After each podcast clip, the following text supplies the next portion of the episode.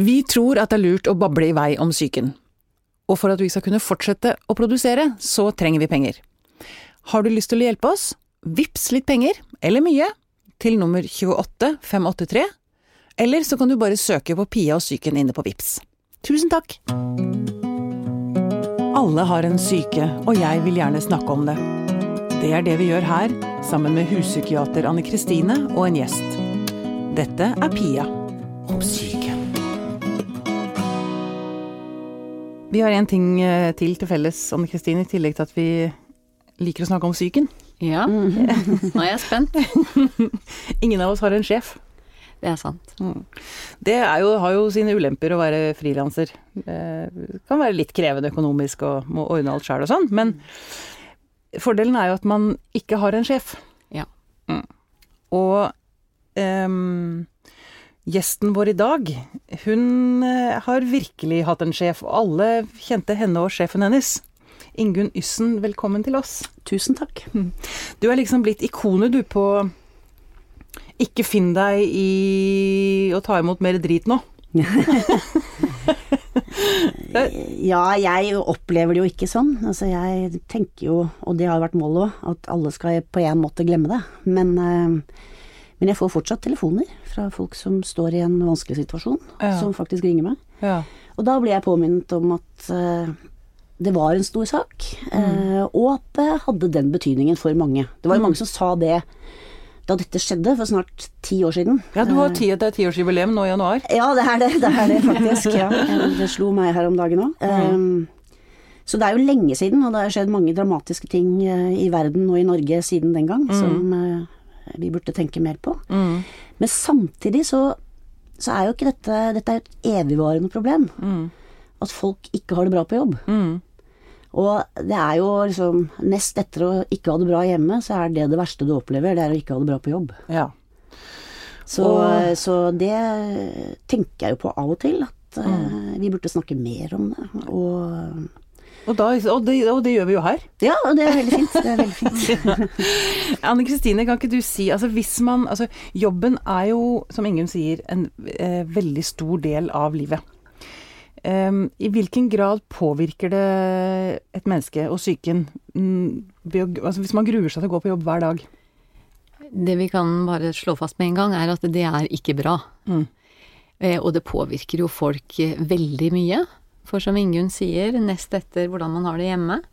Og særlig kanskje også hvis man ikke har det så bra hjemme, så er jobben liksom det stedet hvor man kan mestre, hvor man kan ha nettverk, kolleger, hvor man kan eh, få til ting, få bekreftelse, få mestringsfølelse, alle disse gode altså alle disse gode tingene som vi mennesker trenger i veldig stor grad. Og det er jo forska masse på hvor viktig tilhørighet er. Og hvis man eh, blir dårlig behandla, ekskludert, eh, mobba, så har man jo ikke noen trygg og god følelse av tilhørighet. Så da blir den ensomhetsfølelsen kommer da på toppen av at man opplever eh, vonde ting. Ja, ok, bare for å gå litt konkret til verks. Um, Ingunn. Det er jo fastslått av et uavhengig granskingsutvalg at Gerli Valla hadde trakassert Ingunn Nyssen. Dette Ja. står svart på hvitt. Mm. Um, du tok denne konflikten ut også altså En ting var at du hadde en vond arbeidskonflikt gående, men du tok den også ut i det offentlige rom. Kan Ja. du kan du beskrive psyken din den gangen? Da du sto midt oppi dette, da du bestemte deg for å gjøre det? Husker du hvordan du hadde det? Ja, jeg Eller er husker det og husker. litt altså, sånn tåke... Ja. Nei, det er egentlig ikke det, for det er jo en veldig dramatisk ting i mitt liv, selvfølgelig, og som jo har fått store konsekvenser for meg, og som eh, Og dramatiske ting husker man jo ganske godt. Mm. Og eh, nå er jo Dette var jo en spesiell arbeidsplass. Det må jo sies. Det er jo Alle arbeidsplasser er til dels forskjellige, men dette er en veldig spesiell arbeidsplass. Eh, Det er en organisasjon, og jeg var da internasjonal sekretær, som jo er liksom avdelingsleder, høyeste mellomleder, men i tillegg liksom litt over det òg, for internasjonal sekretær i LO-systemet er en stor ting å være. Med en sjef som jeg da ikke kom overens med, kan man si. Og da hadde jeg jo vært sykemeldt eh, ganske lang tid. Og, det, og jeg hadde hatt en konflikt gående med henne et halvt års tid via advokat, som jeg fikk. Eh, fordi det var jo noen utganger på denne saken som kunne vært helt annerledes. Blant annet så hadde jeg jo blitt tatt opp til Forsvarets høgskole og eh, skulle gå der. Eh, men da nektet da LOs leder å gi meg lønn under det oppholdet. Hadde hun gitt meg den muligheten, så hadde denne, denne saken antagelig aldri kommet offentligheten for øre. For da hadde jeg nok valgt det. Også fordi at det var det rådet jeg fikk. At den type konflikter, den ender veldig ofte i uføretrygd, sa min advokat. Rett ut. Ja. Man blir syk av det, fordi det er så belastende. Eh, og, eller, alternativt så kunne jeg gått til rettssak. Jeg valgte å ikke gjøre det, fordi at en rettssak, og det vet vi, det kan ta årevis Ja. før den kommer gjennom rettssystemet. Og blir belastende i seg selv. Ja, men først, dette var jo kanskje like belastende som en rettssak, fordi det ble jo en rettssak-lignende I media, Ja. Mm. Eh, Men også etter granskingen og sånn. Men, men eh, det tok kortere tid. Fordi det er klart at når du eh, er så nedkjørt som jeg var, mm. så tenker du at Eller jeg tenkte i hvert fall at det å stå i dette i tre år til, hva skal jeg da gjøre med livet mitt? Jeg har ikke tid til det. Nei, nettopp. Men, men alternativt Altså, alternativet var at det er Det var bare egentlig offentligheten som kunne hjelpe meg. For jeg kom ingen vei. Mm, nettopp. Så det derfor du Jeg kom ingen vei, og offentligheten kunne hjelpe meg med det. Mm. Så det var derfor jeg valgte. Jeg hadde jo en, en eh, offentlig oppsigelse. Jeg sa jo opp jobben min Mm. offentlig. Mm. Det var måten jeg valgte å gjøre det på. Mm. Og det var ikke sånn at jeg ikke trodde at det skulle bli en sak, men den ble jo langt større enn jeg hadde greid å hadde se for meg. forventet, ja. Ja. Mm. Så, men, så, men først og fremst så tenker jeg at jeg følte der og da at jeg ikke hadde noe valg. Mm. Det var ikke noe valg. Uh, annet enn å si opp i det stille, men aldri få dette frem. Og jeg tror gru, altså grunnen til at jeg velger det jeg gjør, og som i og for seg reddet meg ut av denne situasjonen, altså reddet min syke, da, ettersom det er psyken vi snakker om her også, Mm. det er at jeg så på dette som noe større enn meg selv. Mm. Altså dette handlet om noe viktigere enn bare mitt arbeidsforhold. Det handlet om at det var LO, Som er en organisasjon som skal ivareta arbeidstakernes interesseorganisasjon, som behandlet sine egne dårlig. Mm. Altså i strid med arbeidsmiljøloven, som jo dette granskingsutvalget faktisk fastslår. Mm, Og LO er arbeidsmiljølovens mor. Så, så jeg, jeg mente at det var en så viktig sak også, at jeg måtte gjøre det. Og jeg visste jo dessuten at eh, flere hadde lidd den samme skjebnen som meg. Så jeg Det var jo viktig for meg, at det var et litt større Mm, bilde. Mm. formål. Altså en litt større himmel over dette. Eh, og det hjalp meg også da til å kunne stå i det. Men du, for, for å spole enda lenger tilbake. Eh, da du begynte i jobben, Mhm. Og så går man i jobben, og så begynner det å komme små tegn på at ting ikke er helt bra. Um, hvordan reagerte du på det? Klarte du da å Eller prøvde du å skyve det under en stol og tenke at dette, må jeg bare tåle? Kan du si litt om det? Hvordan du liksom taklet de første tegnene, og hvordan du liksom forholdt deg til det?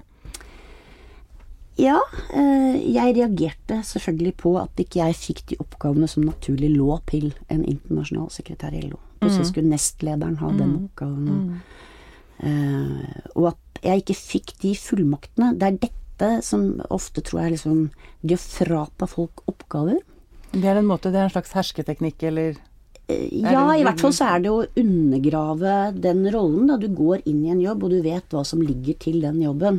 Og plutselig så står du der, og så får du ikke de oppgavene. Eller du eh, Ja, men Ingunn, du må jo forstå at hun må jo få lov å sitte der.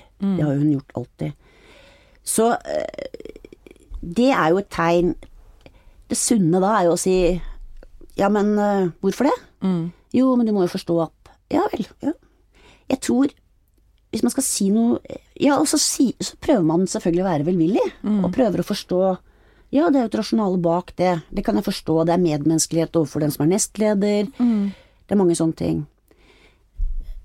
Så, så ja, jeg reagerte på det, men ja, jeg forsto det, da. Ja. Og det tror jeg er, hvis man skal si noe generelt om det å bli dårlig behandlet på jobben av sjefen sin, for det er det vi snakker om her, vi må aldri glemme at det er jo ikke, det er ikke et likeverdig forhold. Det er et makt- det er en det er maktforskjell. Mm. Det er en stor maktforskjell. En er sjef, og den andre er ansatt. Og det er det veldig ofte at man surrer med i disse sakene.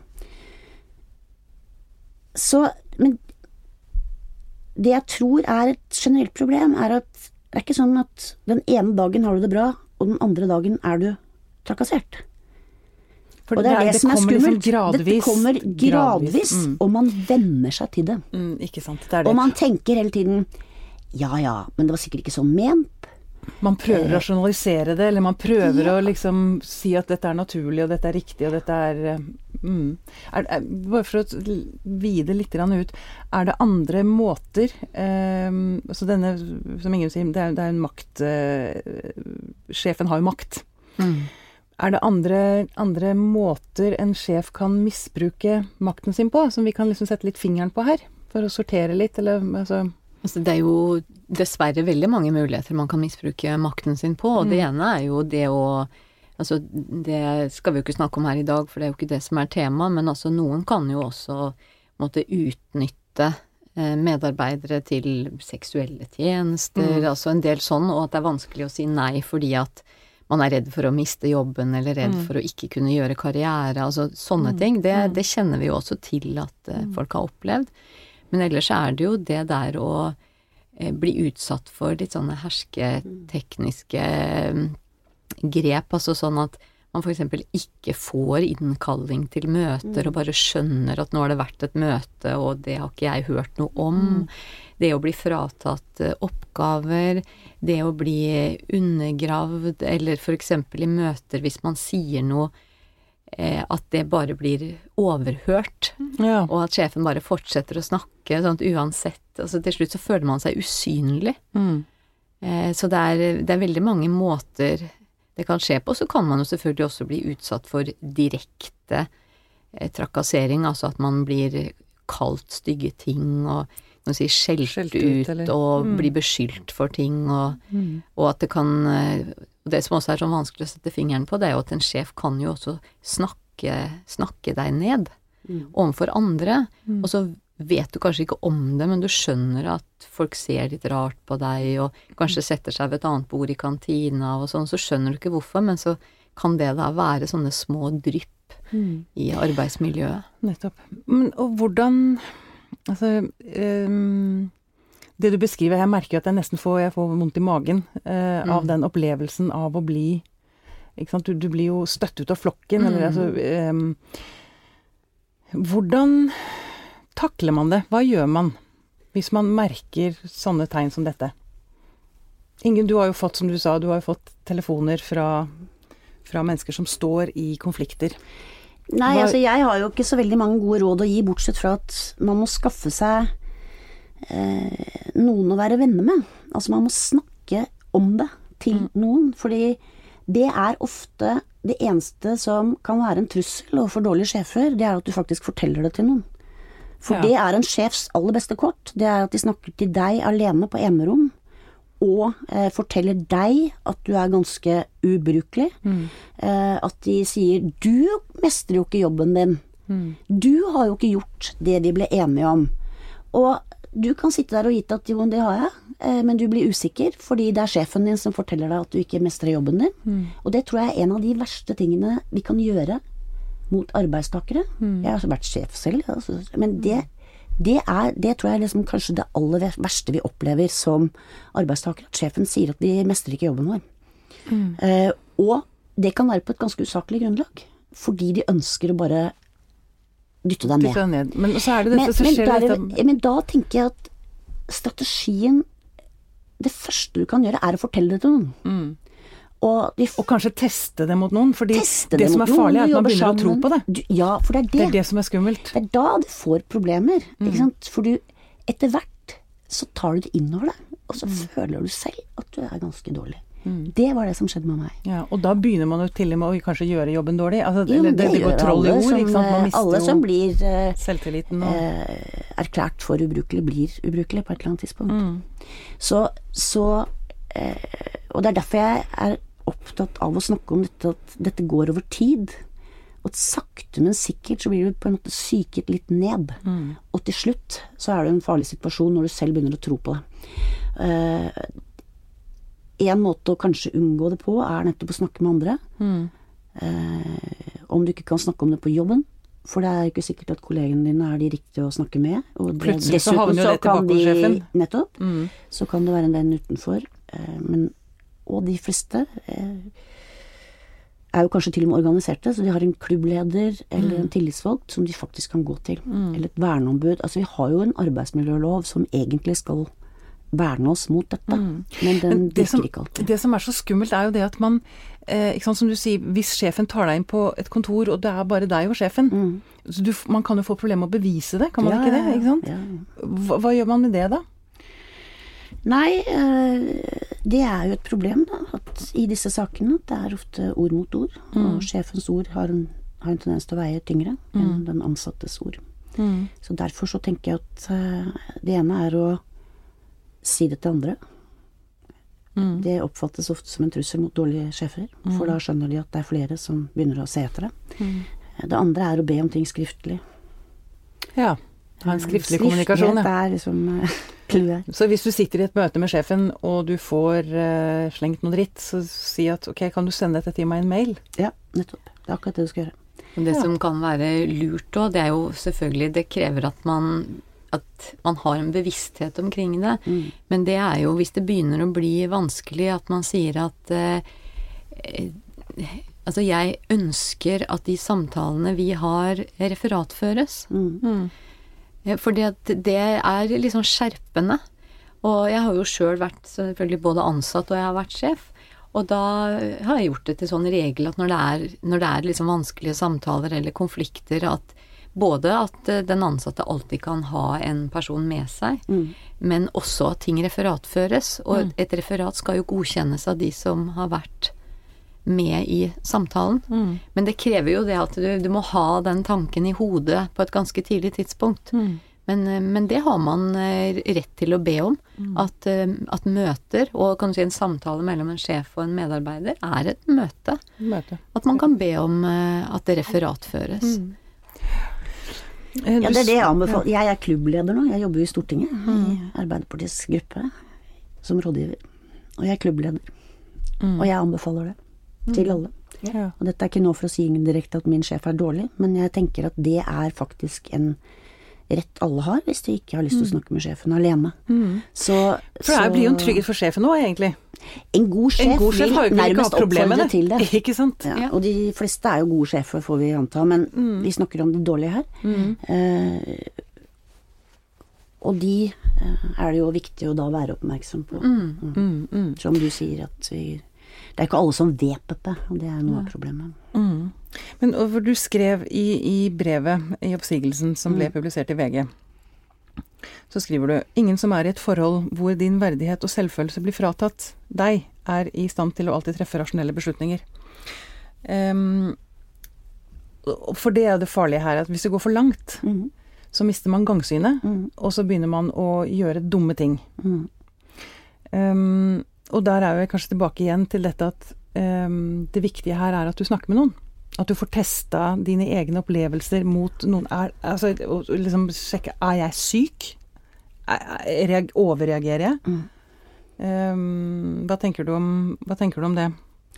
Jo, men det er vel litt det jeg, jeg sa den gangen òg. Altså Mm. at eh, man ser det ikke lenger selv, hvor jævlig dårlig man blir behandlet. Mm.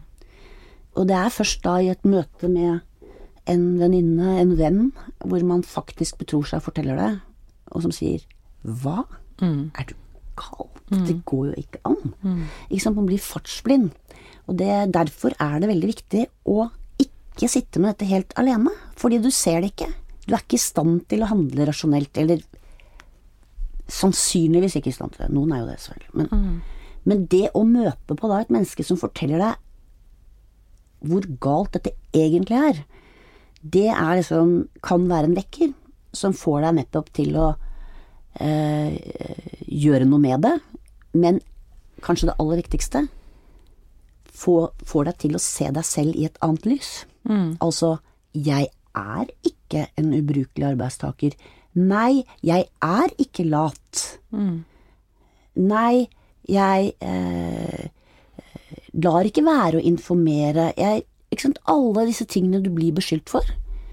Så kan da denne personen du snakker med, være et speil som sier Nei, det er ikke riktig. Nei, men hallo, du er jo på jobben tolv timer i døgnet. Hallo, du har jo skrevet, du har gjort, du har bidratt. Så jeg tenker at det kanskje er det aller viktigste. av det. Én ting er at du kanskje kan gjøre noe med situasjonen din, men først og fremst at du slutter å se deg selv i et, sette deg selv i et så dårlig lys. Og hvis du virkelig har gode venner, altså som du hører på, så kan du også få innspill på hvis du faktisk gjør noe dumt. Ja. Ja, Altså, så for det er noe med å skille ja, her. Så er det noe med å si det at eh, to mennesker kan jo få fram det beste i hverandre, men de kan også få fram det verste i hverandre uten at det nødvendigvis er sånn at det er bare den ene sin feil. Og hvis du har en god venn, så kan en venn også si det at ja, det høres urimelig ut, men er du så sikker på at den måten du svarte på, var det så lurt da? Og så kan man Nei, det var kanskje ikke det. Og så kan man også få hjelp til å sortere litt. For det er jo Altså, man trenger heller ikke venner som sier at eh, hun er slem og du er snill og alt Nei. du gjør er rett og alt det Altså, det kan jo bare også bli verre. Men det er det derre sorteringsarbeidet som, eh, som er så viktig å få hjelp til. Og da kan jo det være en venn eller en tillitsvalgt eller Ja, eh, for det er lurt å vite altså, Blir jeg trakassert, eller er det jeg som overreagerer? Det er noe med å sortere hjelp til å sortere. Og så selvfølgelig da når det er situasjoner hvor man åpenbart blir trakassert og, og mobba og alt sånn, det å få støtte. Mm. Men, eh, men det er nok det som Ingunn sier òg, snakk med noen. Og snakk med noen så tidlig som mulig. Snakk med noen den første dagen du går hjem og har vondt i magen fordi det har Ja, vært en dårlig dag på jobb. det er et veldig typisk tegn på at, at trakassering, det er at du kjenner det fysisk. Ikke sant? At du eh, Blir kvalm eller svimmel eller vondt i hodet eller stive skuldre eller at du, at du kjenner ulyst til å gå på jobb. Hvis du vanligvis trives. Men og du, Ingen, du skrev boken 'Vi kan alle bli den lille'. Ja. Og det er jo egentlig et veldig godt poeng. Altså Det spiller egentlig ingen rolle hvor- i hierarkiet man sitter. Havner man i en konflikt, så kan man Vi står alle alene, egentlig. Altså Vi er bare mennesker, alle mann. Eh, Jeg har ikke selv lest boken, men er det, er det noe av det, det jeg tolker ut fra tittelen? Ja, det var jo viktig for meg å få frem at uh, uansett hva slags bakgrunn du har, uansett hvor sterk du er, mm. uh, uansett hvor mye flott og fint og, Hvor stort hus du har, og modig du har gjort tidligere, så kan du allikevel bli satt i en sånn situasjon. Det var jo viktig for meg, fordi dette er jo også, tenker jeg, viktig å snakke om da, i sånne forhold. Det er eh, altså hvor det er eh, et ulikt maktforhold, og du blir den som skal gå ut. Det der med offerrolle, som jeg tenker er en litt sånn eh, farlig sak. For at selv om du blir et offer for en leder, en som står over deg i hierarkiet, så betyr ikke det at du er et offer. Altså, du er ikke et slagent menneske. liksom. Du skal ikke Nei, og det tenker jeg også er veldig viktig å diskutere litt den offerrollen i forhold til folk som står i sånne konflikter, kanskje akkurat nå. Eh, og kanskje nettopp står overfor den, det utfattelige valget at skal jeg gå ut herfra? Være et offer? Jeg lot meg trakassere. Kanskje ingen vil ansette meg. Eh, da blir du et offer. Eller du kan fort bli det. Og jeg tenker at det er veldig viktig å si det, at man må ikke Altså, man er ikke et svakt menneske. Ingen av oss vil være svake mennesker. Selv om vi blir utsatt for trakassering av en leder, en som står høyere enn oss. Mm. Det er også veldig viktig å snakke om og kjenne på når man står i en sånn situasjon. Fordi det gjør jo ikke saken bedre. At én, du blir behandlet dårlig. To, du skal føle deg som et svakt og slagent menneske. Også hvis du skal gå ut av det. Men hvordan, hvordan, hvordan unngår man offerrollen, da? Altså, man sier, du sier 'jeg lot meg trakassere'. Ja. Altså, man er jo mange Ja, nei, er ganger fullstendig en- hjelpeløs hvis Ja. du har Altså hvis du i verste fall liksom har en psykopatsjef. Så er du jo ikke Du er jo hjelpeløs Jo, i den er, rollen. Du er et offer for trakassering der og da. Mm. Men du er ikke eh, et offer utover den situasjonen. den situasjonen. Mm. Og det er liksom litt av det, bakgrunnen for den tittelen nå. Altså Jeg tror ikke at jeg hadde greid å stå i dette her, hadde jeg ikke hatt den bakgrunnen jeg hadde. Jeg hadde vært likestillingsdirektør, jeg hadde vært statssekretær, jeg hadde vært i politikken. Jeg hadde stått i mange kriger, for å si det sånn. Eh, Det gjør man når man holder på med likestilling, f.eks. Eh, Så jeg var vant til det. Og visste hvordan det var å stå i stormen. Offentlig storm. Ja. Men allikevel så er jo den store, store forskjellen er å gå i krigen for en sak. Og det å gå i krigen for seg selv. Det er to helt vidt forskjellige Ja. ting.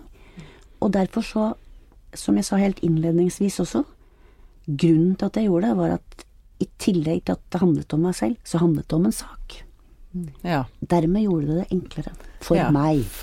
Ja, nettopp. Og det tenker jeg også kan, selv om man ikke har en jobb i eh, et politisk parti eller en ideell organisasjon, eller en arbeidsgiver, arbeidstakerorganisasjon, altså type. Så, så er det jo sånn at ved å redde deg selv ut av et dårlig arbeidsforhold, så har du en sak. Fordi du redder flere ved å stå opp og si 'dette går ikke'.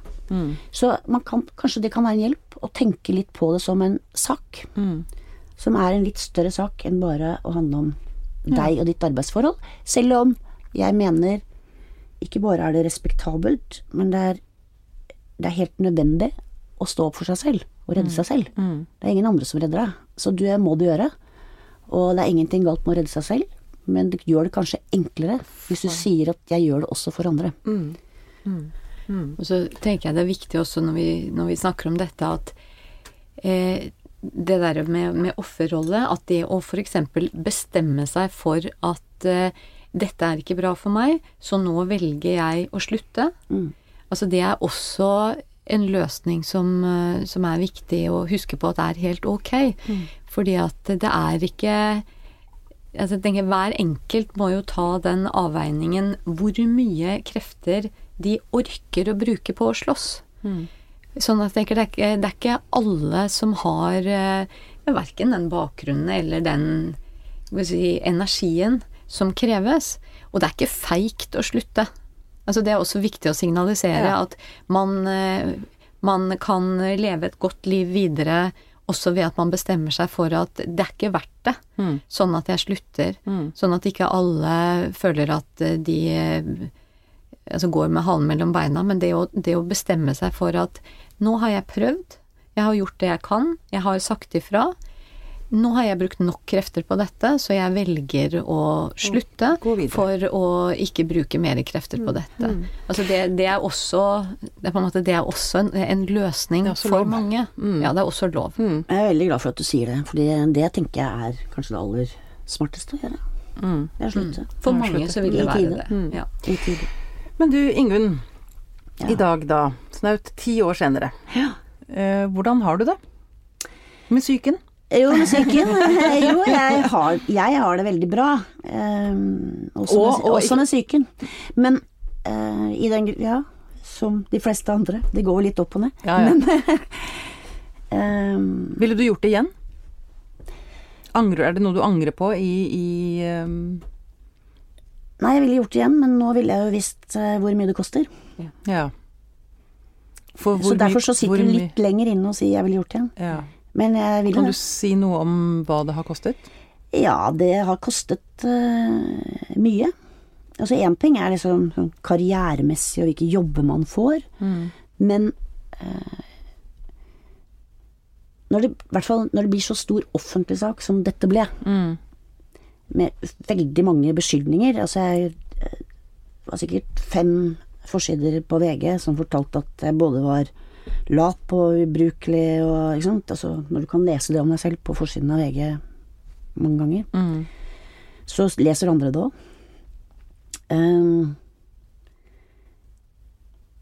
så får man Altså, jeg opplevde at inn, Jeg tror det tok mange år før jeg sluttet å være overstrømmende hyggelig å bli. I sånne jobbsituasjoner. For å motbevise at jeg nettopp At du var, var en bitch. En bitch. Ja.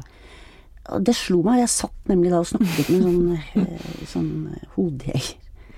Da sa jeg dette, og da tenkte jeg Dette har jeg altså holdt på med i alle disse årene. Det er en helt klar sånn konsekvens Ja. av dette. Så jeg tenker det er, det, det er noen sånne ting som jo vil sitte veldig, veldig hardt i. Mm. At du må bevise at du faktisk er et ordentlig menneske. Mm. Og at du egentlig er hyggelig. Og at du egentlig er veldig flink til å komme presis på jobb og gjøre en god jobb. En grundig jobb. Og du sitter der så lenge det er nødvendig. Dette blir man ufattelig opptatt av. Å bevise at jeg faktisk er ordentlig, og jeg er en god arbeidstaker. Som jeg tenker Dette hadde jeg vel ikke vært så bevisst på, hadde jeg ikke gjennomgått denne saken. Den, så den har, det har jo bidratt til å forme deg ganske Ja, det vil jeg si. drastisk. Det vil jeg si, og kanskje ikke bare til det gode, er jeg redd. Altså, Nei, jeg tenker at jeg kanskje hadde hatt, en, hatt det bedre enn meg selv hvis jeg hadde sluppet alt det. Ja. Så det er jo ikke noe jeg vil anbefale, selv om eh, arbeidsgivere kan jo være glad for å få inn, og det vil jo være mitt budskap til arbeidsgivere, de burde ansette folk som har vært litt ute i sånne stormer, fordi Mm. de vil være opptatt av å være gode arbeidstakere. Kanskje mer enn andre. Ja. Selv om kanskje ikke det er så bra. Men, men det vi hadde trengt, det er en revisjon av alle ordtak. Det er så mye forferdelige ordtak. Fordi at ja, men det som jeg tenker at du nok har blitt utsatt for, det er det derre 'ingen røyk uten ild'. Ja, ja, selvfølgelig. Mm. Altså sånne ting. Mm. Og det, det er jo litt av det som er bakgrunnen for at du overkompenserer så veldig og er så grei. Det er jo at du, at du er Selv om du har det svart på hvitt, så blir det en sånn bekymring for at noen skal tro at det allikevel var sant. Ja. Og, og vi vet jo det. Og det er ikke en ubegrunnet frykt, det. Nei, det For den er er begrunnet, det. fordi at folk tenker sånn. Ja. Eh, Og det har jo jeg støtt på nok ganger til å vite det. Mm. Men det, det er vel også noe med at sant, du var jo pilspissen som tok Du tok jo jobben for veldig mange andre. Mm. Det var jo mange som gikk ut og støttet, støttet deg, og det må man også tenke på i en sånn konflikt. Hvis man velger å ta på seg det ansvaret. Mm. Det krever et enormt mot. Du tar et stort ansvar, det koster. Men det, det må jo også være en glede i å ha gjort det. Absolutt. En stolthet. Ja, mer stolthet enn glede. Stolthet Ja, er nok et bedre ord. Mm, Ja, det er det. Jeg er faktisk stolt av det. Veldig bra. Ingunn Nysen, hjertelig tusen takk for at du kom og delte av din eh, visdom. Takk for at jeg fikk komme.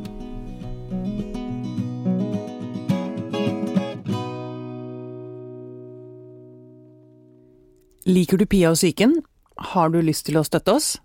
Vips litt penger, eller mye, til nummer 28583, eller bare søk på Pia og psyken inne på Vips. Du er gull! Denne Podkasten er produsert av Tid og Lyst.